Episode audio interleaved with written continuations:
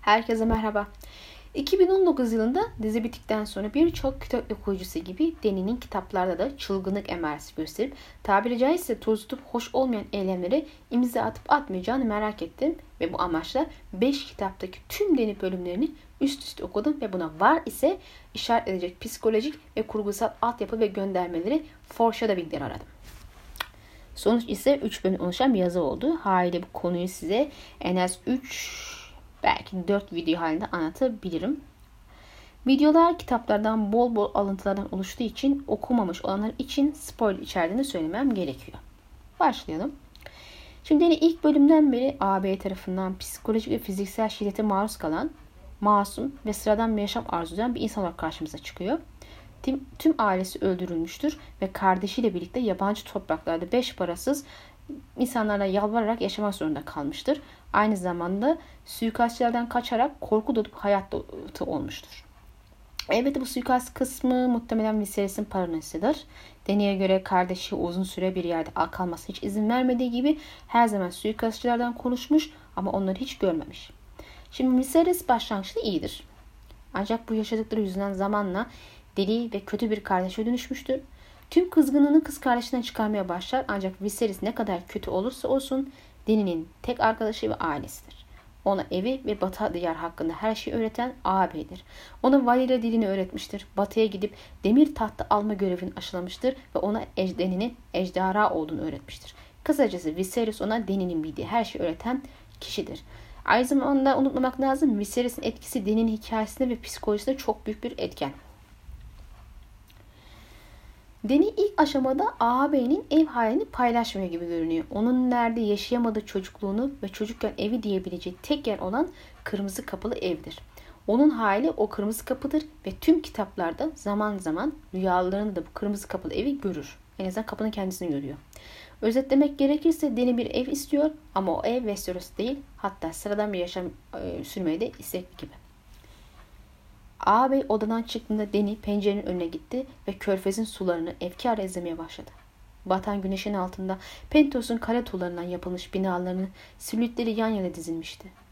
Kırmızı rahiplerin gece ateşlerini yakarken söyledikleri şarkıları ve malikanenin, malikanenin duvarlarının ardında gürültüyle oynayan, oyun oynayan pejmürde kıyafetli çocukların seslerini duyuyordu. Bir an için dışarıda onlarla olabilmeyi diledi. Yalın ayak, nefesi kesilmiş halde, parçalar içinde hiç geçmişi ve geleceği olmadan, Kal Drogo'nun malikanesi ziyafete davet edilmiş olmadan dışarıda onlarla birlikte koşturabilmeyi hayal etti. Belki ejderha hatırlıyordu ama Deni hatırlamıyordu. Ağabeyinin bizim topraklarımız dediği, dar denizin karşı kıyısındaki bu yerleri hiç görmemişti. Sürekli bahsettiği Castrel Kayası, Kartal Yuvası, Yüksek Bahçe, Aryan Vadisi, Don ve Yüzer Adası onun için anlamsız kelimeler de sadece.''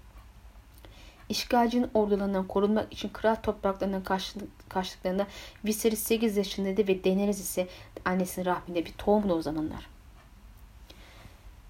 Bir gün her şeyi geri alacağız tatlı kız kardeşim diye söz veriyordu Viserys. Elleri tutuyordu bu konudan bahsederken. Mücevherleri, ipekleri, ejderha kayasını, kral topraklarını, demir tahta ve yedi krallığı. Bizden çalınan ne var ne yoksa hepsini geri alacağız. Viserys o gün için yaşıyordu. Derinizin geri istediği şey ise kırmızı kapılı büyük ev, penceresine ona gülümseyen limon ağacı ve asla yaşayamadığı çocukluğuydu. Ev, bu kelime Deni'yi hüzünlendiriyordu. Sir Jorah'ın Ay adası vardı. Peki Deni için ev neresiydi? Birkaç hikaye, aklında dua gibi yazılmış birkaç isim, kırmızı bir kapının gittikçe silikleşen hayali. Westotrak sonsuza dek evi miydi artık? Doş Kalen, koca karalığına baktığında kendi geleceğine mi bakıyordu yoksa?'' Tabi Deni bir süre sonra evini buluyor. Kaldrogo ile evlenip aşık olduktan sonra ki kocasının ona ilk gecesi dışındaki gecelerde bir süre tecavüz ettiğini unutmayalım. Bu onun psikolojisi hakkında bir fikir verecektir. Deni yavaş yavaş dotrak olmaya alışıyor. Şimdi burada huzur ve mutluluğu hatta bir aile bulur. Bir dotraka dönüşür. Kocası ve yeni insanlar arasında güvenle yaşıyor ve yakında bir oğlu olacak. Batı ile neden ilgilensin ki? Zaten arzuda her şeye sahip. Yeşil deni yuttu. Hava atının terinin ve saçlarının yağ kokusuna karışmış toprak ve çimen kokuyordu. Dotrak kokusuydu bunlar. Onlar bu kokulara aitti.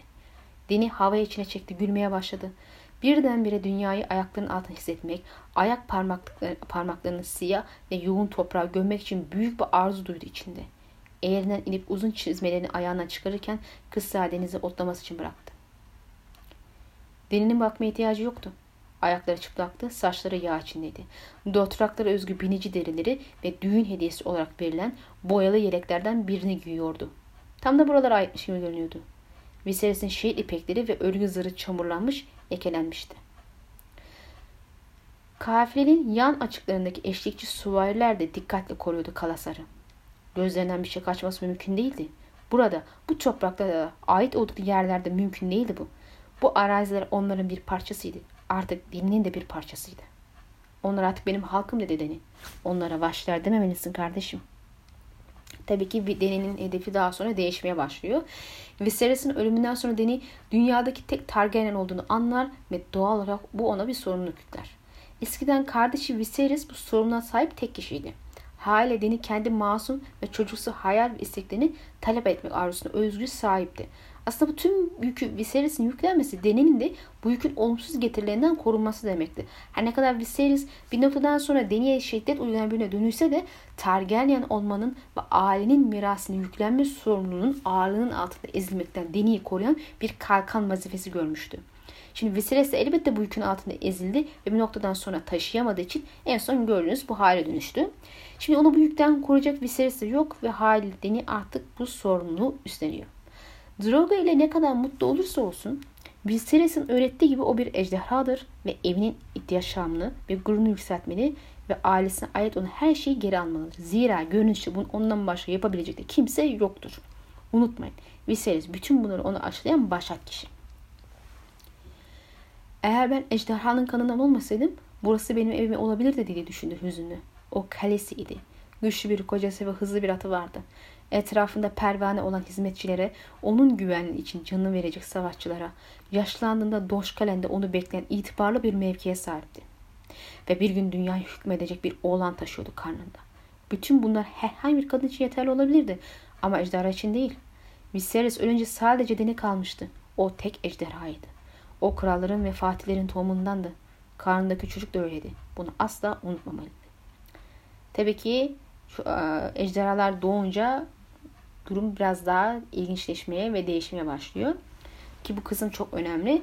Ejderhalardan önce Deni ağabeyinden sonra oğlunu ve kocasını ve hatta onu koruyan kalaslarını kaybediyor. Şimdi bir yazar adayı olarak elimden geldiğince Deni'nin sokulmaya çalıştığı, çalışıldığı yolun ne olduğunu ve neden bu kadar acı çekmesi gerektiğini açıklamaya çalışacağım. Şimdi yazarlar e, bir maceraya girişmeden önce karakterlerin tüm yüklerini özellikle bu tür destansı fantastik eserlerde tüm yüklerini temizlerler.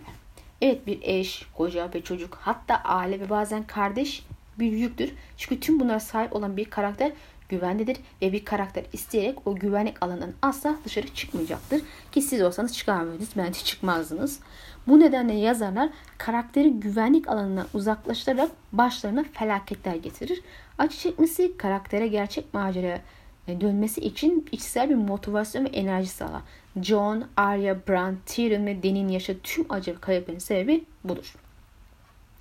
Şimdi bu aile kalbi meselesi aynı zamanda karakterin yetişkinlik seremonisidir. Karakteri büyüten ve olgunlaştıran şey çünkü bu macera çocuklar için değildir ve çocukların ölmeye mahkum olduğu da ortadadır.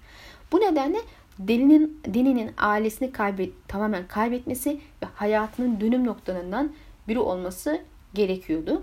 Bu yolda çocuk olan Deni kraliçe Deni'ye dönüşmeye başladı. Aksi halde bunu asla yapamazdı. Bu acı zorunludur ve yüklerinden arındırılmalıdır.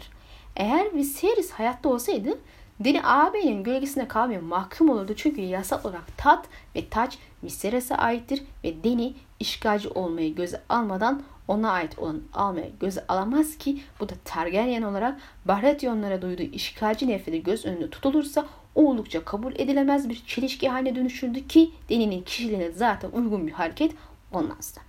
En azından şu anki Deni için. Diğer yandan Droga ise ona bir koruma ve dayanak sağlıyordu. Ama bu tüm hayatını ona yaslanarak geçirirse olabileceği, olması gereken kişiye dönüşmesine bir engeldi. E bir oğul ileride atacağı tüm adımların önünü tıkayabilecek engel haline gelebilir. Çünkü attığı her adımı oğlunun e, geleceğini ve hayatını göz önünde bulundurarak atması gerekecekti. E yani bugün onun için birçok şeye eyvallah çekerken yarın onun hayatını korumak için her şeyden vazgeçebilirdi. Sonuçta bir anne. Yani sonuç olarak hepsi bu karakter karakterin önünde birer engeldi. Onların ölümü deneyi deney yapıp taht, taht oyununda başat kişilerden biri haline getiren mihenk taşlarıdır. Daha sonra ise ejderhalarımız doğuyor. Evet dini psikolojik olarak ilerlemesi için engellerden kurtuldu ve çektiği acı onu daha bir olgunlaştırdı. Yine de dini iç gücünü tamamen bulamamıştı. Çünkü her şeyini kaybetti ve tabiri caiz ise sudan çıkmış bir balık kadar korunmasızdı. Şimdi Deni'nin içsel günü bulması ve insanları çevresinde toplanmaya çekecek son bir şeye ihtiyacı var. Ejderhalara. Deni güçlü bir kişilik olsa da bir kadın ve hiçbir şeye sahip biri olarak o çağda ve ortamda çok fazla şey elde edemez. Ama ejderhalar ile durum tamamen farklı bir hale gelir.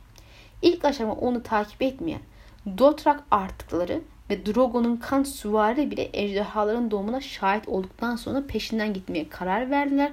Çünkü Dotraklar sadece güçlü olanı takip eder ve ejderhalar güç demektir. Unutmayın ejderhalar deneye hayatta kalma ve umut sahibi olma gücü verdi. Onlar olmadan denenin ailesinin kalbine ve yalnızlığın acısına dayanacağını zannetmiyorum. Yani ejderhalar Deni için sadece şehirleri fethetmek için bir güç değil, aynı zamanda Deni'nin içsel motivasyonun ana kaynağıdır. Bu nedenle gelecekte ejderhalarını kaybederse veya işte böyle tek tek kaybetmeye başlarsa Deni içsel motivasyonu ve umudunu da yavaş yavaş yitirmeye başlar. Ejderhaların varlığı güçse e, yokluğu da yokluktur. Herkese Gece ve gündüz yeniden hayat bulan harikaları görmeye gelecekler ve gördüklerinde onu şehvet arzulayacaklar. Ejderha ateşin vücut bulmuş halidir ve ateş güç demektir. E gelelim ejderhaların yıkım gücüne. Şimdi ejderhaların güç olduğunu söyledik ama hükmedilebilirlerse. Deni ejderhalarına hükmedemezse yıkım ve ölümden başka bir şey getirmeyeceklerdir. Ki yazarın dediği gibi bu ejderhalar nükleer birer silah. Büyüyorlar dedi içinden. Ejderhalar kararmış et parçası içinde dişirken. Bayastolora'daki hallerinden iki kat ağır olmalılar şimdi. Buna rağmen savaşabilecek kadar büyümeler için yıllar geçmesi gerekiyordu. Eğitilmeleri de gerek. Yoksa krallığımı harabeye çevirirler. Taşıdığı Targaryen kanına rağmen dinin ejderha eğitimi hakkında en küçük fikri yoktu. Deni kral topraklarını huzursuz hayaletlerle dolu kapkara bir enkaza çevirmek istemiyordu. Yeterince gözyaşı içmişti. Ben krallığımın güzel olmasını istiyorum. Krallığımı cüsseli adamlar, alımlı kızlar ve kahkaha atan çocuklarla doldurmak istiyorum. Halkımın beni gördüğünde gülümsemesini istiyorum. Tıpkı babamı gördüklerini gülümsedikleri gibi. Ki son cümle biraz manidar elbette. Siyah olan dedi gizlice aksanıyla. Kanatlı gölge gökyüzüne indi ve, ve hayır Deni titredi. Hayır hayır hayır. Sağır mısın be aptal? diye sordu Reznak non mezrak. Beyanımı duymadın mı? Yarın temsilcilerime git. Koyunun bedeni alacaksın. Reznak dedi Sir Barsan sessizce. Ağzını kapat ve gözlerini aç. Bunlar koyun kemikleri değil. Hayır diye düşündü Deni. Bunlar bir çocuğun kemikleri. Şüphesiz bu an gelene kadar Deni ejderhaların ciddi şekilde tehlikeli olduğunu düşünmedi. En azından kontrolünden çıkıp böyle bir zarara neden olacaklarını düşünmedi. E bu olaydan sonra onları kontrol edemediği için gerçek anlamda ejderhalarından korkuyor ve sonra ikisini de işte çukurlara çukurlara bağlayıp kilitliyor ve Miren sorunu ile boğuşurken onları kullanmak dahi istemiyor. Niçin? Çünkü düşmanlarına olduğu kadar masumlara zarar verileceğinden endişe ederek onları kontrol edebileceğine inanmıyor. Ki gördüğünüz gibi bu olay bile aslında Deni'nin dost, düşman, masum, e, suçlu ayrı, arasında ayrım yapmadan her şeyi yakmaya istekli olmadığını gösteriyor. Böyle biri değil zaten. Emiren düğümünün ciddi bir sorun olduğunu ve ejderhalarla bu krizin dini için bitebileceği bildiği halde masumlar da zarar görebilir korkusuyla ejderhaları kullanmayı reddediyor. Hatta bu sebeple ikinci oğulları bile kaybetti. Çünkü onlar ejderhaları kullanmayı reddettiği için deniyi kaybeden taraf olarak gördü. Ki elbette ki bu şu anki Deni için geçerli bir psikoloji. Martin Deni'nin Esos macerası Bush'un Irak'taki askeri felaketine benzetmişti. Ve burada, yaşayan, yaşa, burada yaşadıklarının Deni'nin karakter gelişimi için önemli olduğunu da vurgulamıştı.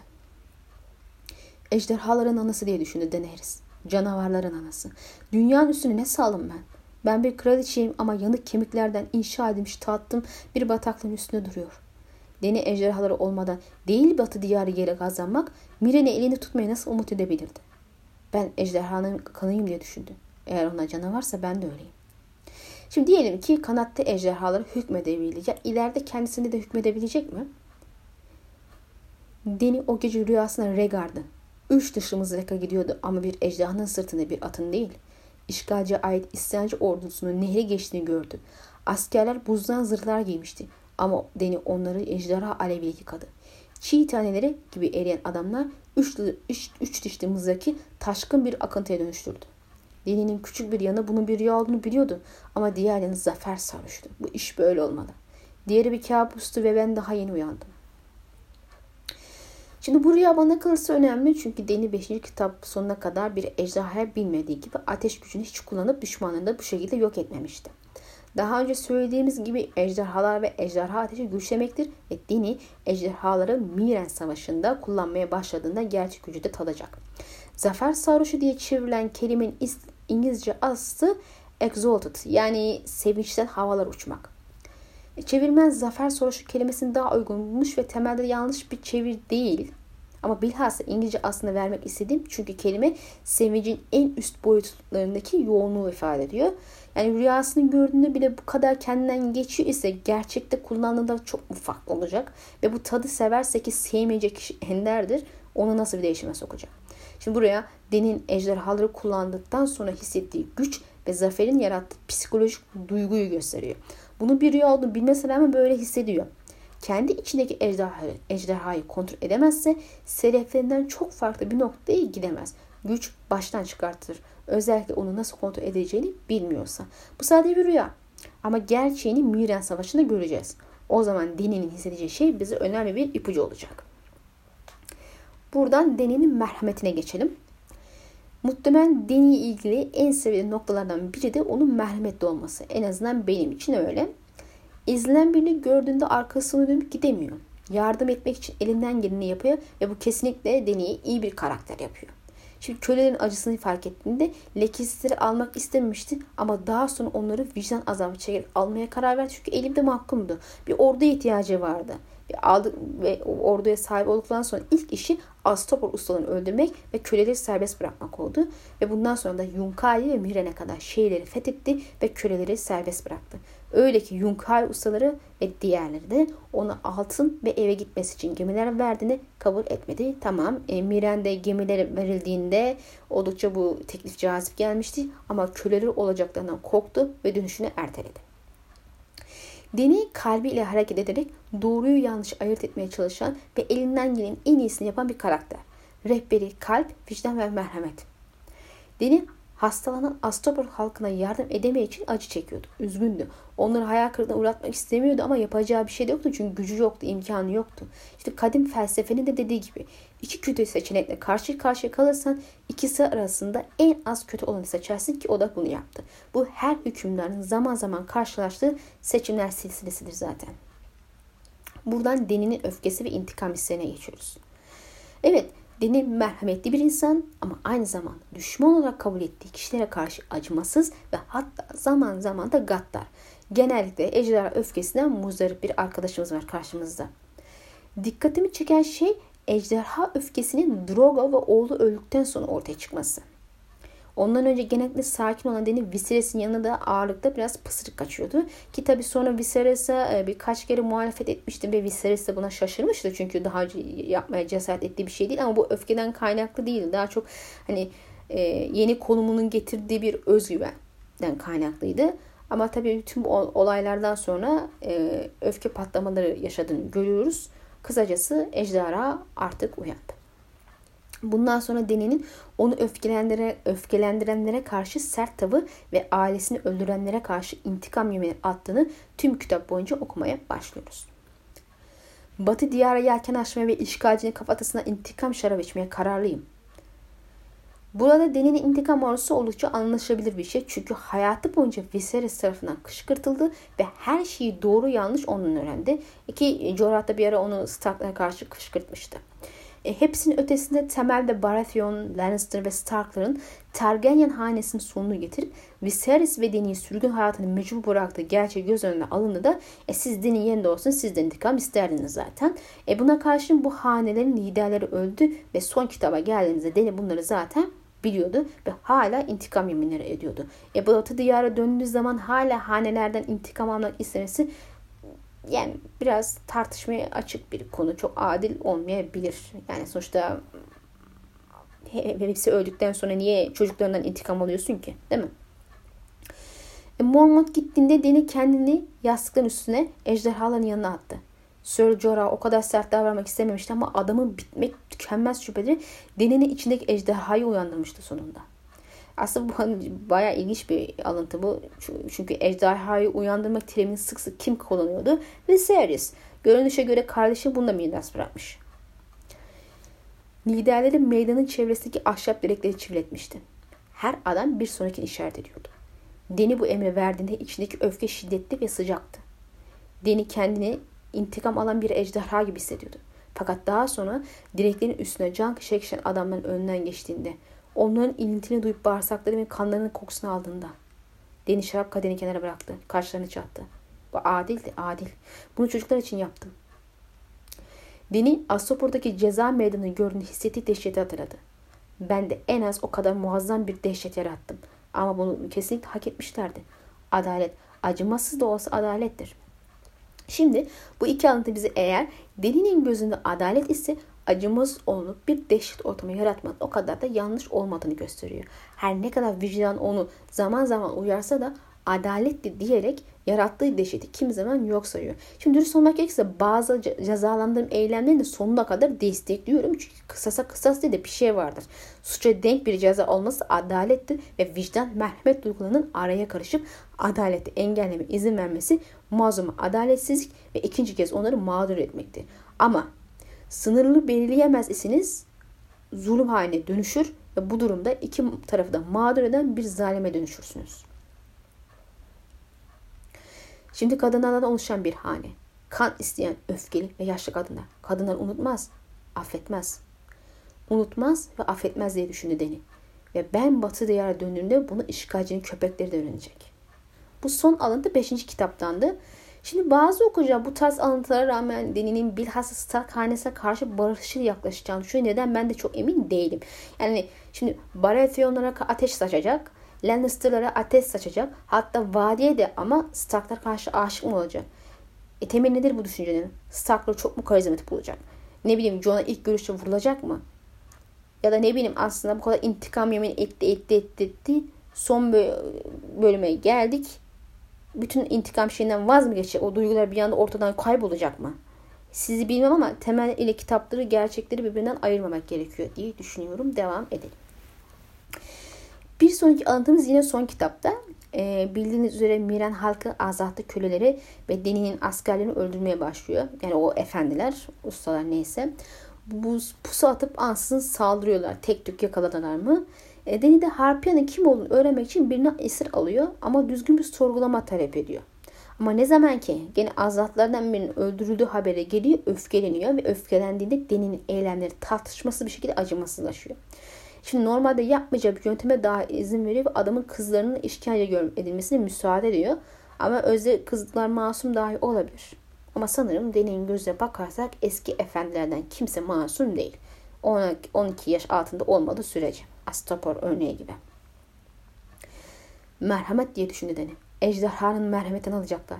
Skahas, fikrimi değiştirdim adamı acımasızca sorgula. Bunu yapabilirim. Ya da baba izlerken kızları acımasızca sorgulayabilirim. Adam bu sayede birkaç isim verebilir. En iyisi hangisi olacaksa onu yap ama bana birkaç isim getir. Deni'nin öfkesi midesinin yanan bir ateşe dönüşmüştü. Deni başını yukarı kaldırdı. Ve ben de Daenerys fırtınada doğanım. Targaryen hanedanından Daenerys'im. Fatih Aegon'un, zalim Maegor'un, eski Valeria'nın kanıyım. Ben ejderhanın kızıyım. Size yemin ediyorum o adamlar çığlıklar atarak ölecekler. Şimdi ilk kitaba geri döndük. Daha önceki bir videomda bu kısma değinmiştim. Biraz tekrar olacak ama olsun. Deni burada sadece Fatih'in değil aynı zamanda zalim Megar'ın kanından olduğunu ilan ediyor. Şimdi atalarım arasında kötü nam salmış biri varsa şahsen onları kendime referans edinmezdim. Çünkü benim için kötü bir imaj olacaktır. Fakat dini burada iki şeye değmiş ve mesaj vermiş oldu. Ben Fatih Eygan gibi bir insanım ama yeri geldiğinde düşmanlarıma karşı zalim Megar'a dönüşürüm. Yukarıda verdiğim alıntılar bu son kısmı zaten kanıtlıyor. Ayrıca Deni'nin ileride dönüşecek kişiler içinde birer foreshadowing olduğunu düşünüyorum. Çünkü hem alıntılar bunun içinde, bunun onun içinde olduğunu kanıtlıyor. Hem de zaten eylemsel bazda bunu yaptığını görüyoruz. Üçüncü kitaptan sonra Deni bir Fatih'e dönüşüyor ve üç şehri fethediyor ki burada bir tekrar eden üçleme var yine. Deni'nin hayatındaki birçok şey üç kere beklememiz hayatında birçok şeyi üç kere beklememiz gerekiyor kanımca diye düşünüyorum. Mesela ben üç kere evlenip üç kere de kocasını kendi elleriyle öldüreceğini öngörüyorum. Yani kesin değil. Çok ıı, yüzde yüz diyemiyorum ama böyle bir şey bekliyorum yani. E, Fatih'e dönüşen Nini'nin Megar'a dönüşeceğini söylemek mümkün bu yüzden. Ateş ve Kan kitabında Dans'ın kraliçesi kısa süre kralın şehrinde hüküm sürmüş ve kötü yönetimi halkı o kısa sürede bezdirince onun ona sırtını dönerek Megar'ın memeli hali diyerek onu Megar ile bir tutmuştu. İşte Tyr'in benzer bir değil mi? Eleni için Aegon'un memeli hali diyerek tekrar etmişti ki Megar ile ilgili deyim Ateş ve Kan kitabının yazılması eklendi diye biliyorum. Çünkü daha öncesinde böyle bir ayrıntıya vakıf değiliz. E, Dans 2'de Deni'nin dansın kraliçesi Henana ile aynı konuda siyahların lideri olacağını düşünürsek Martin'in bu ailede boş yere eklediğini zannetmiyorum. E, şimdilik arkadaşlar ilk videomuzun sonuna geldik. Daha sonra e, Deni ile ilgili incelememize devam edeceğiz. Umarım ilk bölümü beğenmişsinizdir, hoşunuza gitmiştir. Arada bazı ufak tefek hatalar yaptım gibi gene kusuruma bakmayın. İzlediğiniz için teşekkür ederim. Hoşçakalın.